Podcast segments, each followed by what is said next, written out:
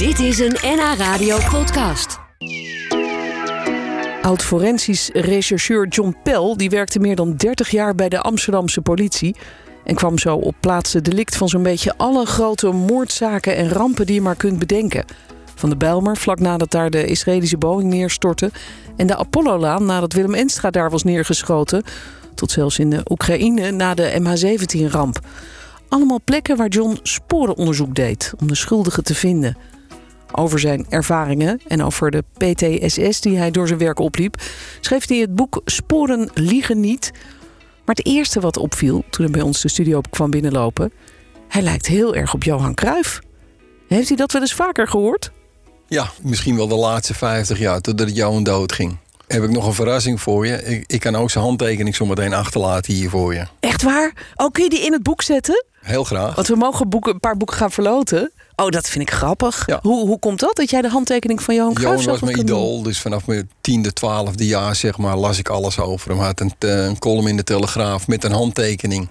En die handtekening heb ik als kind, ik denk, eh, 43.000 keer gedaan. Echt? Ja, en dat zit er nog steeds in. En hier en daar gebruik ik dat nog wel eens. eh, en dan is het vaak met een slok op en op een feestje. En, eh, en dan komt er weer een handtekening van Johan uitrollen. Oh, ja. echt? Want dan komt er weer iemand naar je toe die zegt... hey, Ja. ben je familie van Johan Cruijff? Ja. Of eh, ben je zijn dubbelganger? Wat grappig, maar je bent dus niet familie in de Nee, verte. nee, nee, was maar waar. Nee, nee. Oh, ja, dat is, dat is dan wel weer jammer. Nou ja, goed, de luisteraars zijn nu natuurlijk enorm nieuwsgierig hoe jij eruit ziet. Als je dat wil weten, dan eh, zou ik zeggen, moet je eventjes eh, via de webcam meekijken. Via nhradio.nl of via nhnieuws.nl. En kijk dan bij media, dan kun je live meekijken in de studio. Dan zie je of het inderdaad... Nou, ik vind het een treffende gelijkenis. Dat moet ik echt zeggen. Maar voor de luisteraars, wees gewaarschuwd, hè? Want het, het, het kan ook chockerend werken. Goed, nou kijk maar even mee dan, eh, eh, en luister vooral mee. Want eh, John, je hebt heel veel bijzondere dingen meegemaakt. En daar een fascinerend boek over geschreven. Gisteren hadden we dus een, een gast die dis- dit soort eh plaatsen delict schoonmaakt. Als de politie allemaal klaar is. En ik vroeg aan mijn gast van gisteren: van, kon je daarna, kun je nog wel wat eten voor de lunch als je zo gewerkt hebt op zo'n plek? Eh, hij kon dat af en toe wel. Hoe, hoe was dat bij jou als je de hele dag eh, tussen de bloedspetters had gezeten? nou, met, met, met eten hadden we daar geen last van. Want je eet nooit in een woning of, of op de plek waar het gebeurt. Nee, dan tuurlijk. contamineer je, maar je gaat eruit. Ja, Maar ja, ehm, dat is wel eens lastig. En waarom is het lastig? Stel voor je bent in een woning bezig. Je hebt er een paar uur gewerkt. Je gaat eruit. Je gaat een broodje eten. En je gaat weer terug naar binnen. Ja, dan is de lucht is nog in het kwadraat veel erger. Want Oh ja. dan moet je weer, je neus moet dan weer alles een beetje gaan neutraliseren. Maar ja, dat is hetzelfde als dat je bij een sectie zit. Die fotografeerden we vroeger ook. En dan eh, op een gegeven moment was het koffiepauze. En dan gingen we het sectielokaal uit. En dan nam je ook een kopje koffie en een broodje. Ja, Niet in ja. het sectielokaal, nee, maar natuurlijk. Maar net erbuiten. Ja, ja, nee, dat kan ik me voorstellen. Je moet, je moet ook eh, je energie houden natuurlijk voor het werk. Het gaat gewoon door. Ja, zo is het. Maar voor jou niet meer, want jij bent nu lekker met pensioen. Dat, is, eh, dat is fijn. Je had eindelijk de tijd om een boek te schrijven. Was je dat eigenlijk altijd al van plan? Eh, nee, niet echt. Eh, sterker nog, twee jaar geleden in de podcast eh, Scherpschutters heb ik gezegd... ik ga al mijn ellende niet opschrijven. Hey. Maar mijn psychotherapeut die vond het handiger als ik om, om echt al dingen af te sluiten van John. Ga schrijven, schrijf het van je af. En nou ja, zo is dat ontstaan. En nu ben je gelijk binnengekomen op de bestsellerlijst. Ja, dat heb ik van de week gehoord van de uitgever. Ik wist niet eens wat het was. Nee, nou, dat is heel goed nieuws voor jou. Dat betekent dat je boek heel goed verkocht wordt. En eh, het bijzondere is, John, dat eh, je beschrijft dat je eigenlijk begon bij de politie als dobu. Ja, En dat is de afkorting voor. domme burger. Ja, vroeger had je echt een tweestrijd eh, binnen de politie. De executieve en de niet-executieve. En de niet-executieve, dat was het administratief technisch personeel. En die, die werden dobu genoemd. Ja, ik moest in het begin moest ik ook, keek ik ook om, om me heen. Ik denk dobu, dobu, wat is dobu? Maar dan ben je Domme een dom- burger. domme burger. Ja, maar je werkte er mooi wel. En je begon als portier. ehm, maar uiteindelijk, toen je stopte, gaf je leiding aan het landelijk team forensische opsporing. Wat een weg. Ja, ik heb laten zien dat iedere dobu gewoon een carrière kan maken binnen de politie. En dat het allemaal, weet je, het gaat allemaal nergens over. Ik denk dat als je ambitieus bent en je gaat de kansen pakken onderweg wie je krijgt. En dat geldt nog steeds bij de politie. Ja, dan, kun je gewoon heel eind komen. Maar het legt, hem, legt er maar net aan wat je wil. Als je de eerste de beste functie prima vindt. Tot je pensioen is het ook goed. Alles is goed. Ja, maar ja, goed, dit is toch wel een enorme afstand die je hebt afgelegd. En het ging niet zonder slag of stoot, begrijp ik. Want Hm. hè, je hebt ook wel wat obstakels op je weg gevonden. Ja, ik, ik heb ook wel wat obstakels eh, ondervonden. Ja. Eh, ook vervelende, eh, ook hartstikke leuke. Maar eh, vervelend is bijvoorbeeld dat ik vier keer een intern onderzoek heb gehad. Eén keer van de Rijksrecherche, één keer van Bio, twee keer van FIC. En ik hoop ook hè, dat met mijn boek, hè, dat de, ehm, de directie van de nationale politie, hè, dat die ook dat boek gaan lezen en dat die daar misschien wel een- enige winstpakkers in zien. Ook Ja, de zorg voor medewerkers. Ja, heel graag. Heel ja, graag. dat zou mooi zijn inderdaad. Hebben ze al gereageerd eigenlijk op je boek? Want je bent best wel kritisch her en der, hè? Ja, ik deel hier en daar deel ik af en toe wel een, eh, een, een, vervelende noot uit, maar eh, ik heb nog niets gehoord. Ik heb wel van ehm hoofdcommissaris, ex-hoofdcommissarissen dingen gehoord. Joop van Ries heeft contact met me opgenomen. Joop zegt, John, fantastisch boek. Bernard Welten stuurt me een, eh, een- WhatsApp, John, prima gedaan. Dus eh, heb ik gehoord, ja, allemaal positieve berichten. Maar blijft dat zo? Ja, dat denk ik niet Nee. natuurlijk. Want er komt zometeen komt er heus wel een keertje een, een momentje dat ik, eh, ja, dat ik misschien wel ergens een nee, ambtelijke draai wordt het niet meer. Hè? Want Nee, die, want je bent met die pensioen. keer gehad. Ja. Maar dat er misschien wel kritiek uit een hoek komt. En dat vind ik ook goed. Vind ik Ja. prima. Ja, ja. Je hebt het gewoon lekker allemaal opgeschreven. Eh, had je eigenlijk in de loop der jaren ook dagboekjes bijgehouden of, of iets Nee, bijgehouden nee, waar je uit kon putten? Nee, Moest allemaal uit je hoofd komen. het moest allemaal uit mijn hoofd komen. En eh, vooral heel veel research op internet aan doen. Hè? Ik bedoel, je weet nog wel iets natuurlijk. Zo heb ik ook iedere collega die ik benoem in mijn boek... die heb ik een concept gestuurd van het hoofdstuk. Van, hey, luister, ik ga dit ga ik doen. Geef alsjeblieft eh, hoor en wederhoor. Geef feedback erop. En zodoende kwam ik er ook achter... dat af en toe de waarheid jouw waarheid is, maar niet de waarheid. Ah ja, ja, Zo heb ik ook twee dingen gehad die ik door elkaar heen heb gehaald door de loop der jaren. ja, ja. Waarbij de collega zei, John, dit zat even anders. Dan een kopie verbaal opsturen. Hè? Zo van, kijk, hier staat het zelfs. Dus, eh, Oh, wat goed. Dus dat werd wel gelijk gecorrigeerd Ja. dan. Ja. Ja. Bijzonder is ook, eh, daar schrijf je over in je boek, dat je kwam uit een buurt in Amsterdam waar driekwart van jouw jeugdvriendjes uiteindelijk in de criminaliteit zijn beland. Ehm, is, de- is dat nou een voordeel, vroeg ik me af, als je politiewerk gaat doen, of juist een nadeel? Want je kwam natuurlijk wel vaak bekenden tegen eigenlijk daarna in je werk. ja, ik, ik heb dat nooit echt als een nadeel ervaren. Het nadeel is wel dat als je met een, met een jongen uit jouw jeugd ergens staat te praten... en die zit net onder observatie en er wordt een observatiefoto gemaakt... en die foto die komt bij het team terecht... En dan is dat wel heel gaaf van, hé, hey, hey, dat is een collega, dat is John Pel. Ja. Ja, dat, heb ik, dat beschrijf ik ook in mijn boek. Daar heb ik ook een casus van gehad. Ja, daar, daar krijg je alleen maar last van. Kijk, het is natuurlijk heel anders. Dat als jij je HAVO-diploma haalt en je komt uit, eh, uit Noord-Nederland en je gaat in Amsterdam werken, ja, dan zou je er niet mee geconfronteerd worden. Maar Ken je weet niemand, ik, nee. ik, liep, ik liep er ook niet voor weg. Dat waren allemaal jongens die kwamen uit mijn jeugd vandaan. En moest ik die dan in ene negeren alsof ze hepatitis B hadden of zo? Ja. ja, en jouw oud karateleraar bleek later ook wat banden Nou ja, met eh, dan, criminaliteit dan valt er hebben, wel toch? een droom in duigen. Want als jouw Ja. rolmodel, en dat was Alexander Marjanovic, dat was echt mijn rolmodel. Als je dan, die wordt dan geliquideerd. Nou ja, je wordt niet voor niks geliquideerd. Maar als je dan later eh, bij het bedrijf zit en je, je weet van de hoed en de rand dat het een huurmoordenaar was voor de Bruisma-groepering. Ah. Ja, dan valt. Dan, ja, dan denk je van, poh, die man die heb ik zeven jaar als mijn rolmodel gezien. Zo. Ja. Ja, dat is wel heftig inderdaad. Ja. Je schrijft ook over eh, een van de minnaressen van Enstra... waar je contact mee had nadat hij was geliquideerd, Ja, vermoord. Dat is ook zoiets. Ik bedoel, eh, ik ken die vrouw uit, de, uit het dorp. Ik kom uit Zandvoort vandaan. En die, eh, die vrouw zit niet in het milieu. Die vrouw is geen crimineel. Maar ik weet donders goed dat als ik die vrouw ga troosten... en collega's zien dat, want die viel in mijn armen. Die viel, die viel echt in mijn armen. Ja, wat, wat moet je dan doen? Moet je dan, moet je dan die vrouw die eh, op het toppunt van verdriet... moet je die gaan wegdouwen of zo? Nee, maar natuurlijk wist ik... nou ja, als dit gezien wordt door collega's... hup, dan gaan we weer Krijg je weer een onderzoek. krijg weer een onderzoek. En Ja. het onderzoek vertellen ze je nooit direct. Dat vertellen ze pas als het gedaan is, het onderzoek. Snap ik ook allemaal wel. Oh, Oké. Ja, en zo loop je wel af en toe, zit je wel in een spagaatje, ja. Ja, zeker ja. Maar goed, je begon dus als, eh, als dobu, als domme burger. En je werd forensisch of technisch rechercheur. Daar heb je ook heel veel zelfstudie voor gedaan. En cursussen en opleidingen en weet ik veel wat natuurlijk allemaal. Daar heb je hard voor gewerkt. Maar dat betekende dus dat je, daar schrijf je natuurlijk ook over in je boek... dat je op een gegeven moment ook op de plek kwam waar iets ernstigs gebeurd was, waar iemand was vermoord bijvoorbeeld, om sporen en bewijzen te verzamelen. Um, hoe, hoe was dat de eerste keer dat je zoiets meemaakte?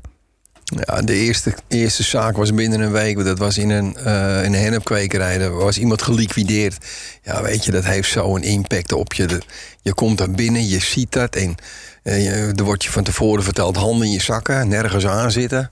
En uh, je blijft achter ons lopen, niet voor ons uitlopen. En ja, dan is het net alsof je op heel dun ijs loopt, natuurlijk. Uh, hartstikke voorzichtig. Ja, dat, dat, dat, heeft wel de nodige impact gehad. Vooral de, vooral de eerste weken. Ja, en, en ik kan me ook voorstellen de, de dingen die je dan ziet. Je ziet mensen die vermoord zijn, misschien ergens nog liggen. Uh, heel veel bloed of, of dat soort dingen. Wat, wat, deed dat met jou? Want je was nog jong. Ja, dat, wat dat met me deed is dat ik heb, heb geprobeerd in een briefing mijn gevoelens te delen.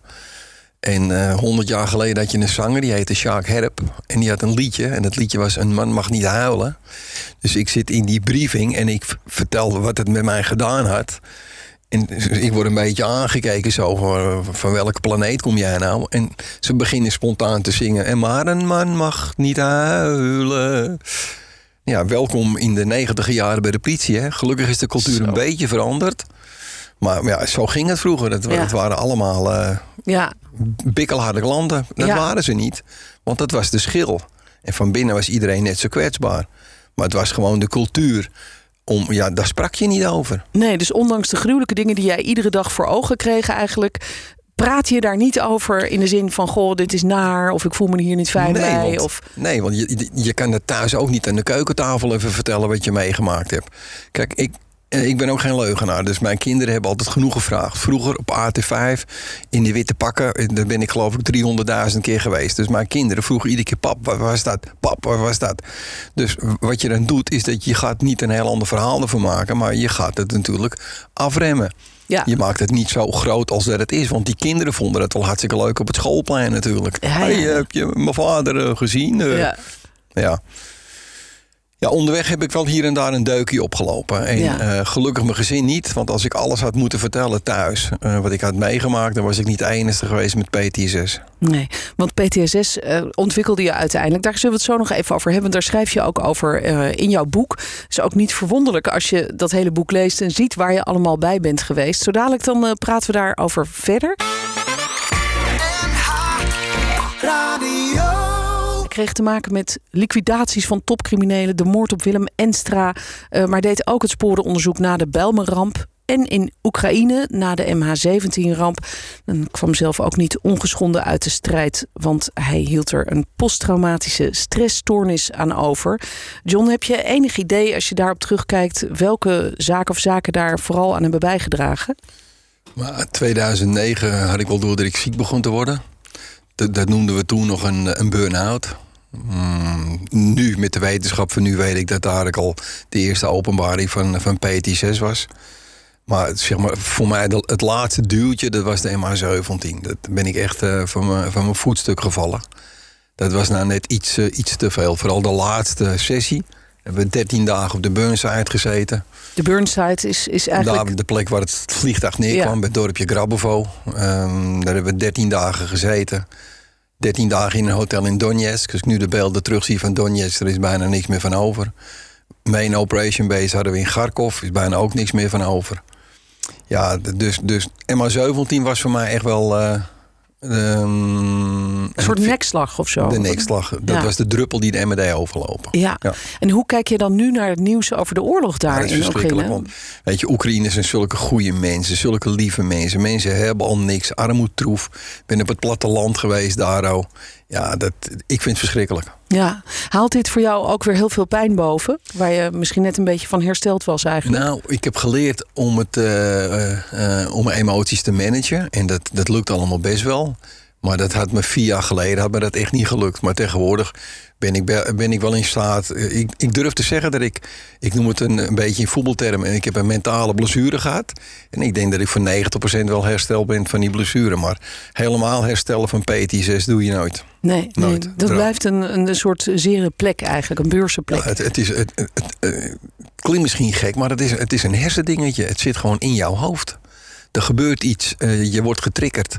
En dan gaat er een luikje open en dan komt al die ellende komt dan, eh, komt dan, komt dan weer terug. En, en dan, dan ruik je en dan proef je het ook. En dan zie je het eh, weer op je netvlies. En Je hebt te veel gezien en geroken in te lange tijd misschien ook. Want je hebt het meer dan 30 jaar gedaan. Zou dat schelen als, als mensen van nu, rechercheurs, forensisch rechercheurs, dat wat minder lang zouden doen? Misschien dat ze vijf jaar of tien jaar en dan niet meer naar die gruwelijke plaatsen delict? ik, daar ben ik van overtuigd. Als je gaat kijken bij de politie heb je meer, meerdere rollen met een tijdslot. Bij het arrestatieteam kan je ook niet 30 jaar werken.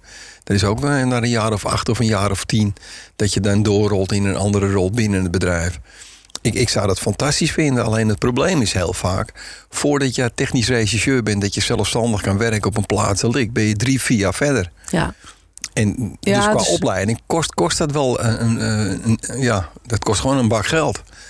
En eh, ik denk dat we te veel gaan kijken. Nog steeds. eh, we doen te weinig vanuit de zorgkant. En we doen te veel vanuit de managementkant. ja. Maar daar zou de NP goed aan doen. om dat nou eens een keertje goed De tegen het licht te houden. De nationale politie. Oh, dat- ja, ja. En als je dan gaat Ja. kijken welke collega's uitgevallen zijn bij de forensische opsporing. Ja, dan lijkt het mij heel simpel. Ja, het eh, schrijven van dit boek, zei je helemaal aan het begin, was ook min of meer op aanraden van jouw therapeut. He- heeft het ook therapeutisch gewerkt voor jou? Ja, ja. Ik, eh, ik heb nu het hoofdstuk gesloten. Ik ben begonnen met eh, schrijven in een Word-documentje. Een, een, een, eh, formatje van internet gehaald en begonnen. Ik geloof dat ik op pagina 40 was, wist ik begon niet meer wat ik nou geschreven had. Het, het irriteerde me ook, want iedere keer kwam ik het woord ik tegen. Omdat als je een proces verbaal maakt, dan begin je met ik. Ik, opsporingsambtenaar. Wa- was helemaal niks. En via via ben ik toen met eh, Bert Muns in aanraking gekomen. Bert die is, eh, die werkt nog steeds bij de politie bij Cold Case Review. En eh, Bert heeft gezegd van, "Joh, ik ga je ermee helpen. Ja, en van het een kwam het ander. En ik kwam in contact met een uitgeverij. En, ja, en, en Ja. Nu, eh, Nu staan we in de bestsellerlijst. nu, nu- nu heb ik een boekje gemaakt. Ja, bijzonder. In dat boek beschrijf je trouwens ook nog, maar daar zullen we het misschien een andere keer over hebben, een aantal belangrijke innovaties die jij hebt ontwikkeld, mede hebt ontwikkeld. Eh, zoals het groen-witte lint. Wat houdt dat in? Tot slot nog even. Het rood-witte lint, eh, daarvan dachten de collega's dat het allemaal voor de burgers waren en niet, eh, niet voor het politiepersoneel. Dus iedereen stapte eroverheen, ging er onderdoor. Eh, dat kon niet meer met, met DNA, met contaminatie, dat werd steeds erger. Ik noemde het in mijn boek het SVC, het Sporenvernietigingscommando, kwam dan te plaatsen. en wij hebben van de een op de andere dag gewoon het groen-witte lint geïmplementeerd. We hebben er niet over gecommuniceerd. Dus van de een op de andere dag werd de bindering afgezet met een groen-wit lint. Met de tekst erop DNA-zone. Nou, dat werkte wel. Kijk. Toen hadden we geen last meer van ongenode gasten op je bindering op een plaatsdelict. Mooi. Nou, dat is in elk geval een van de dingen die je hebt nagelaten. En dit bijzondere boek met al jouw verhalen en ervaringen. Dank dat je hier was, John. John Pell, die eh, schreef het boek Sporen liegen niet. En geniet van je pensioen, welverdiende pensioen. Ga ik doen. Vriendelijk bedankt. Dit was een NH Radio podcast. Voor meer, ga naar nhradio.nl. Radio.